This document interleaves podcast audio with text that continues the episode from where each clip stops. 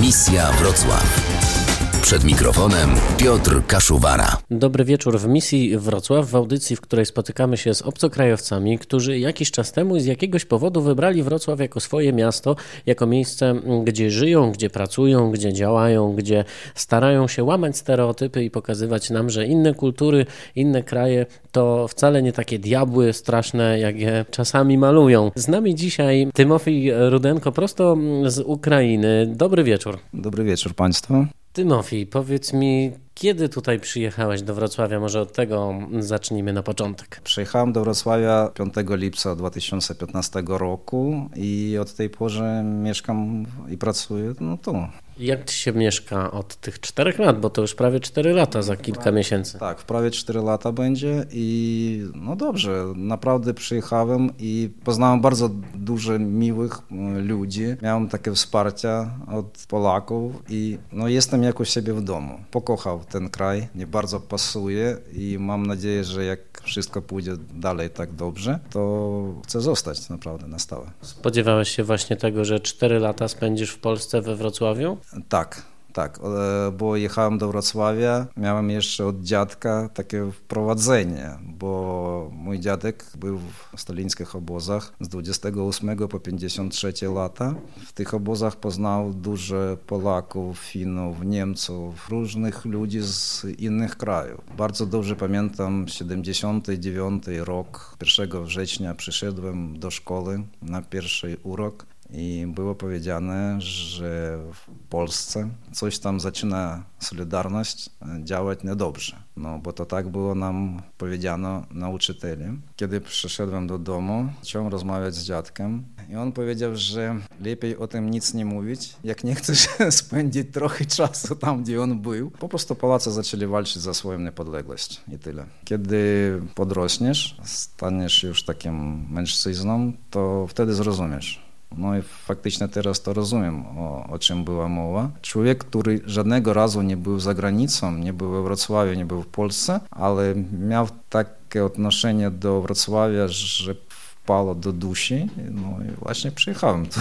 Wieczór z Radiem Wrocław. To jak to się stało i dlaczego w ogóle dziadek trafił do tych stalinowskich ich obozów? Bo po prostu on był z takiej bogatej rodziny. Miałem swoją wieś, tak po naszemu to mówię, to hutor, gdzie trzymał konie, otrzymał od ojca prezent na urodziny, konia skakun, który kosztował duże pieniądze. I kiedy przyszła komuna, to powiedzieli, że wszystko trzeba złożyć do kupy. On powiedział, nigdy tego nie będzie. No i właśnie za to trafił do obozu. 28 po 53 lata. To prawie 20 lat, kawał życia. Tak, tak, ale faktycznie za drotem był 10 lat a później mieszkał na wsi, ale pracował codziennie. No to z drugiej strony tak sobie myślę, że może mu to uratowało życie, bo to wtedy na Ukrainie był wielki głód, prawda? Wszystko składa tak w życiu, jak, jaki jest, bo gdyby on wyjechał do Kanady, to ja tu nie siedziałem. Tymofij Rudenko, przyjechałeś do nas, tak jak i twój dziadek, z Charkowa, tak? Bo jak rozumiem, twój dziadek z obozu stalinowskiego wrócił do swojego rodzinnego miasta. Tak, tak, tak, tylko że dziadek faktycznie nie z Charkowa, a mieszkał na no, takim małym miasteczku między Donieckiem i Charkowem pośrodku, Czasowy Jar i wychowałeś się właśnie w Charkowie, dużym, bardzo dużym studenckim mieście. To jaki z kolei jest Charków? Faktycznie teraz ma około 2 milionów dużo studentów, ale zajmuje tak samo miejsce jak i Wrocławiu. Mają dużo wieżowców, no, bloków, dlatego właśnie ma tak dużo ludzi, ale płaszczyzna, która na ziemi zajmuje, to nie jest taka duża. Bo specjalnie jak przyjechałem tu, to zacząłem z ciekawości sprawdzać no, miasta Wrocław, Charków, ile mają ludzi, ile mają powierzchni ale Wrocław ma mniej ludzi, ale tak samo powierzchnię i bardzo zielone miasto, to mnie pasuje, no, podoba się. A Charków jak wygląda? Też piękne miasto, kocham Charków, bo to moje miasto, miasto mojego, no nie powiem, że dzieciństwa, ale takich lat, gdzie faktycznie studiował, pracował, był biznesmenem, można tak powiedzieć, bo miałem swoją firmę niedużą, ale miałem i to wszystko trzeba było jakoś zamknąć. Nie szkoda było ci tego zostawiać, swojej firmy, swojego biznesu, rodziny też yy, przecież. Powiem szczerze, to był dla mnie taki poważny krok, ale nie żaluję z tego. Przyszedł czas, kiedy trzeba było coś zrobić. A z jakiego powodu? Co cię skłoniło do tego, żeby do Polski przyjechać? Też wojna cię tutaj przygnała? Poznałem ludzi, którzy byli na takich zaróbkach prawie, że przyjeżdżali do Polski.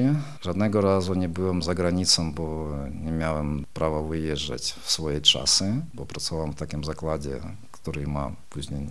wyjeżdżać. No i tak stało się, że po prostu zdecydował i pojechał. No. Jaką pierwszą pracę znalazłeś w Polsce? Bo to pewnie była trochę inna rzeczywistość dla ciebie. Trochę inna, ale pracowałem jako meblarz w Charkowie i znalazłem, na początku to ciężko było. Jeden dzień popracowałem jako pomocnik elektryka, ale znalazłem pracę stolarza i tak to poszło, bo faktycznie pracowałem w tym kierunku już z 1996 roku. A jak tutaj przyjechałeś, to pracowałeś na początku przez agencję pracy jakąś? Jak to w ogóle załatwiałeś? Nie, nie, nie. Sam, sam załatwiłem, sam znalazłem i poznałem też bardzo miłych ludzi, który, od których dostałem takie wsparcie. Bo 2015 rok to był taki rzeczywiście boom, kiedy bardzo wielu Ukraińców zdecydowało się na przyjazd do Polski, prawda? I jak wyglądało to? Bo to był trochę taki dziki zachód, można powiedzieć. Bo teraz już wiemy, jak to funkcjonuje, jak to zrobić. Mamy agencję pracy, wiemy, gdzie pójść pójść, żeby się zarejestrować, tak jak zdobyć kartę pobytu, chociaż długo to trwa. Bardzo długo i teraz też mam złożony wniosek i to trwa już trochę powyżej pół roku. Mam nadzieję, że zostanie to na stałe. No właśnie, jak, jak wygląda ta sytuacja Ukraińców, którzy przyjeżdżają pierwszy raz do Polski? To w większości nie mają żadnych problemów, czy trafiają często, nie wiem, chociażby na obozy pracy, tak? Bo o tym też no, słychać. Trafiałem, to słyszałem, że trafiałem, no różnie to było, bo nie będziemy mówić o wszystkich dobrze, ale ale czasem tak słyszę, że oszukują. Oszukują jak i Ukraińcy Ukraińców, tak i Polacy, ale mam nadzieję, że z czasem to wszystko no, będzie dobrze. Powiem tak. Powiedz mi, właśnie spotkałeś kiedyś takich ludzi, którzy rzeczywiście mieli jakieś konkretne, duże problemy tutaj we Wrocławiu chociażby, czy w Polsce i przyjechali i na przykład zostali z niczym? Jak tylko zamieszkałem, to poznałem jednego chłopaka. No, widać było, że czym zaskoczony. Nie zwróciłem uwagi, a później on sam do mnie podszedł i spytał i zauważyłem, że jest Ukrainiec, bo tak samo mówię, niedokładnie jak i ja. No i naprawdę on później to wyjechał do, wyjechał do Ukrainy z powrotem. Jakieś chłopaki u niego zabrali no, prawie wszystko pieniędzy. Wieczorem wysiadł z pociągu, tylko że nie we Wrocławiu, a w Warszawie. No i mówi, że podeszli chłopaki i byli tam i Ukraińcy, i Polacy. I zabrali pieniądze. I to jego tak trochę zaskoczyło, bo myślałem, że tu takiego nie ma. Nieszczęście, niestety. No, tak, niestety, ale ludzie są tacy i tacy. Nic na to nie poradzimy. Wieczór z Radiem Wrocław. Tymofij Rudenko jest naszym gościem w misji Wrocław.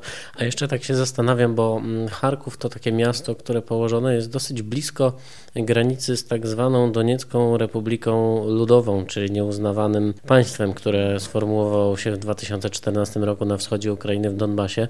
I mm, jak wygląda teraz y, życie w Charkowie? Bo wielu ludzi, na przykład w Polsce, boi się jechać na Ukrainę, choćby do Lwowa czy do Kijowa, bo na Ukrainie jest wojna. I czy rzeczywiście w Charkowie, czyli w mieście, które jest położone bardzo blisko, 170 kilometrów mm, od Doniecka. Czy tam tą wojnę czuć? Czy tą wojnę tam widać? Czy ludzie rzeczywiście muszą inaczej żyć? W samym mieście to nie widać tego.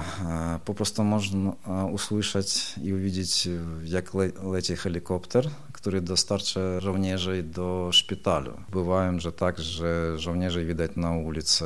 Powiem szczerze, już dawno nie byłem w Charkowie, dlatego nie mogę powiedzieć tak, jak jest teraz, ale kiedy przyjeżdżam, to miasto żyje, fajne, piękne miasto.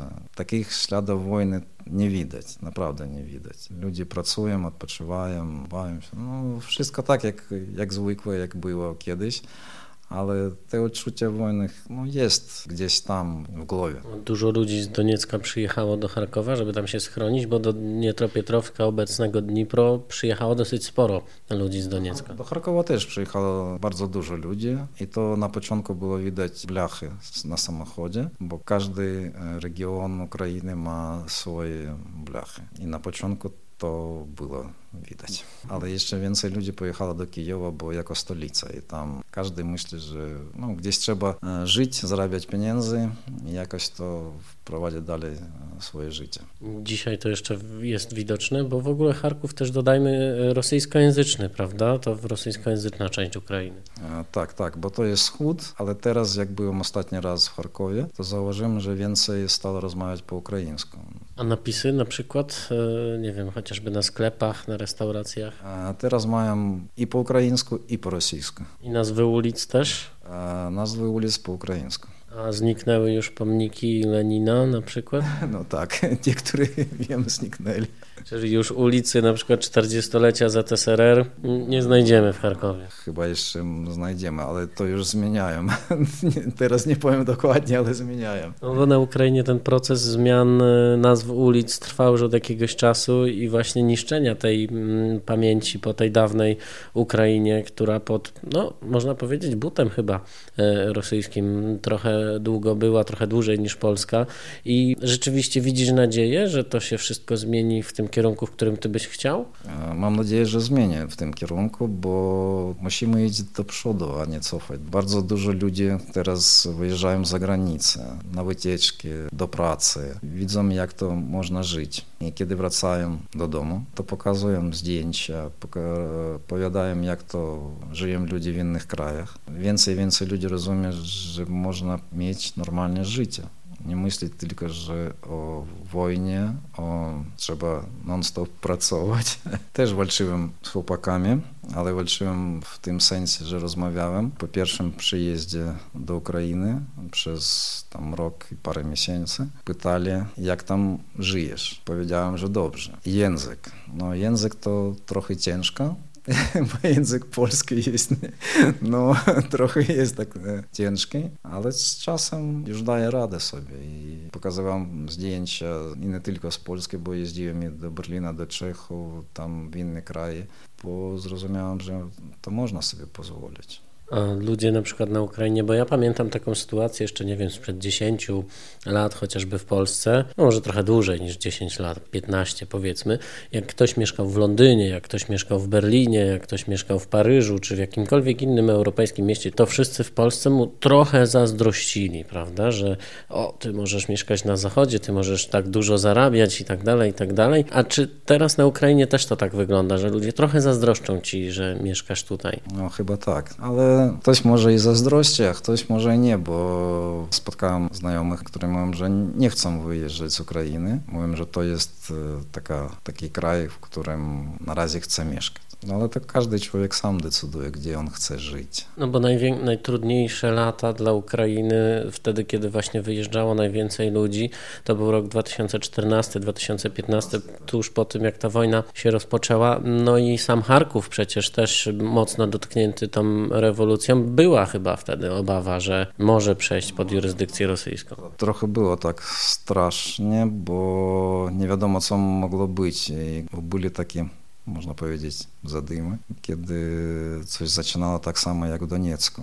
No jest jak jest, Charków został ukraińskim, proukraińskim miastem i tak dalej trzyma i teraz to na wschodzie Ukrainy takie miasto, które trzyma ukraiński prapor i jest miastem ukraińskim. No to jest też bardzo ciekawa rzecz, bo właśnie po 2014 roku można było na Ukrainie zobaczyć coraz więcej e, ukraińskich barw w ogóle przybywających, na przykład mosty, prawda? Wszystko zaczęło być malowane na żółto-niebiesko.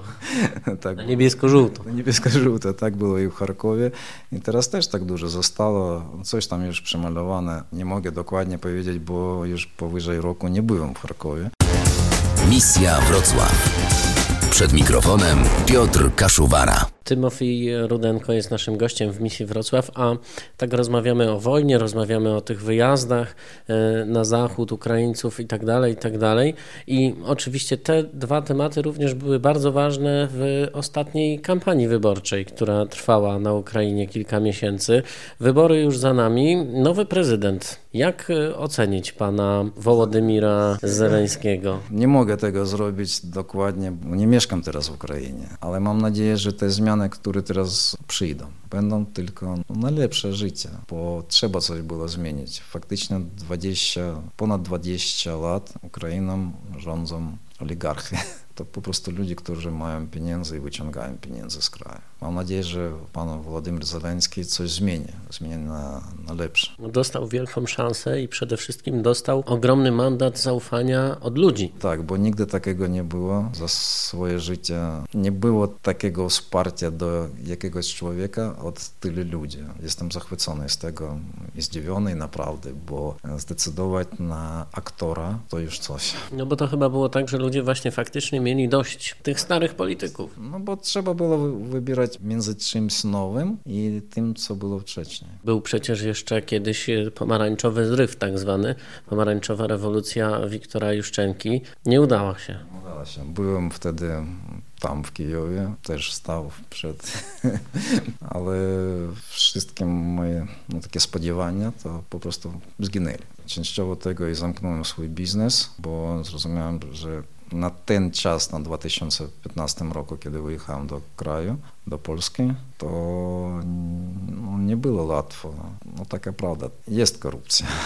To właśnie to źle działa. No i sporo ma się zmienić, tak przynajmniej zapewnia wasz nowy prezydent. Tak, no mam nadzieję, że tak będzie. Na pewno prokurator generalny do zmiany i wiele innych osób.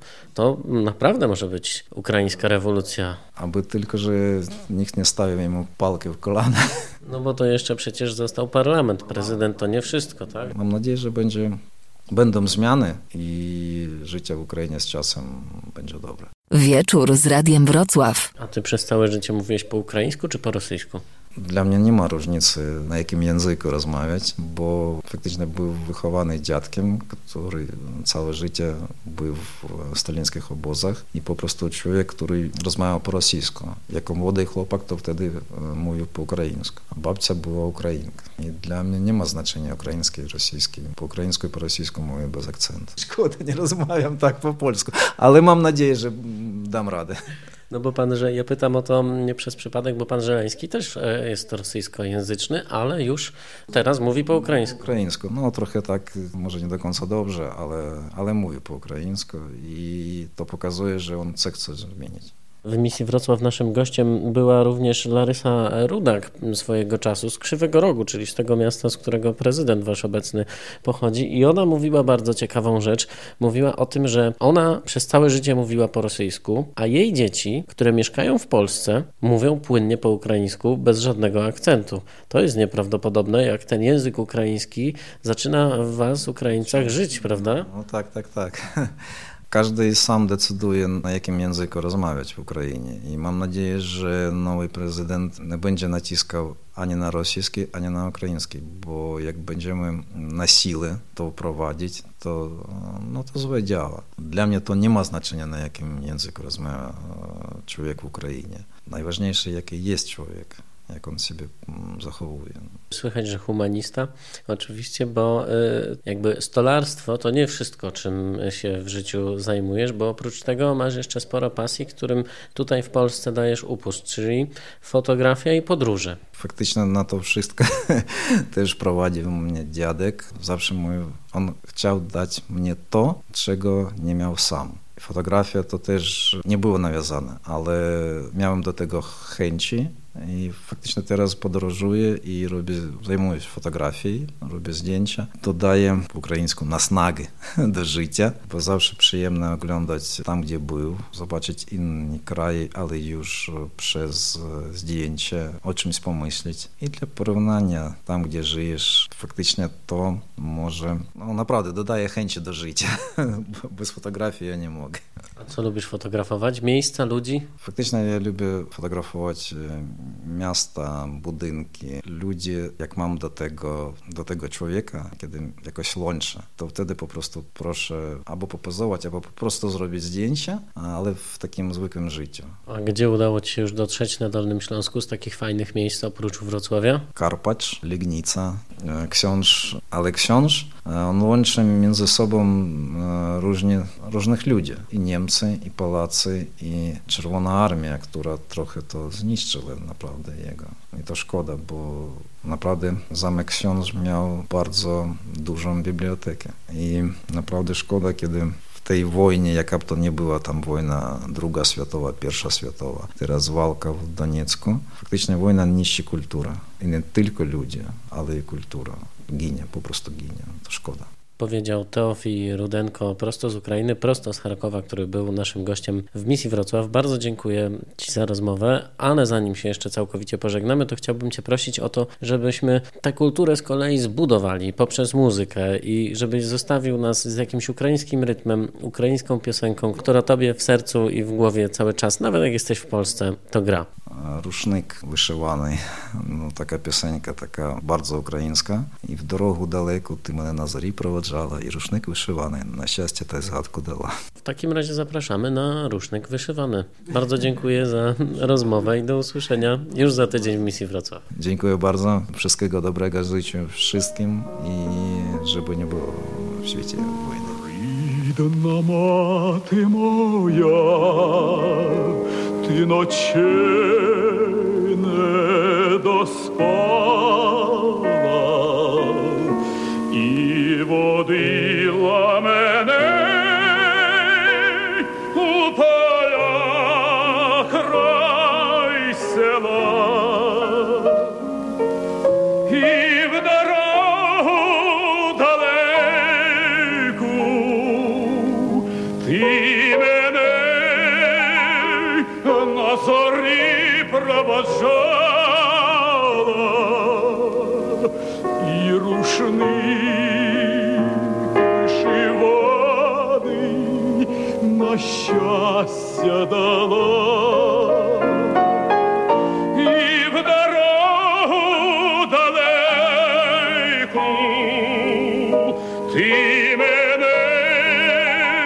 На зорі проводжала,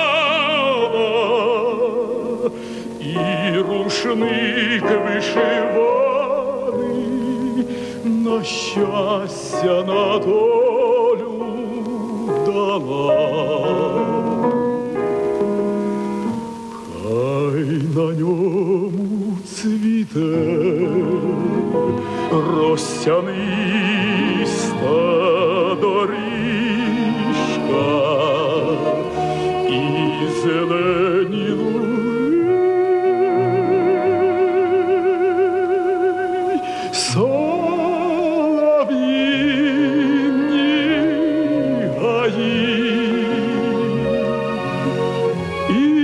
І твоя незрадлива о, материнська ласкава усмішка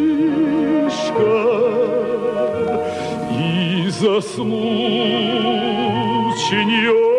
очі хороші твої.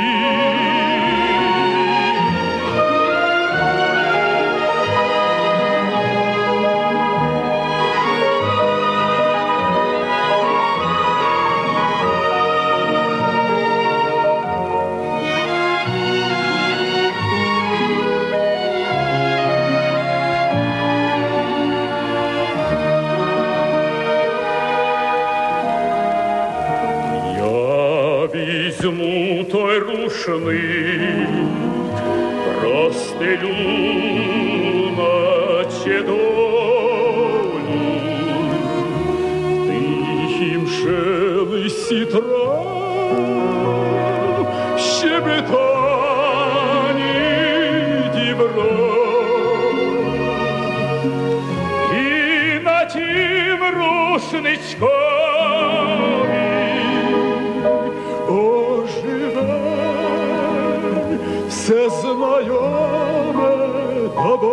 Тобою і дитинство розлука і вірна любов.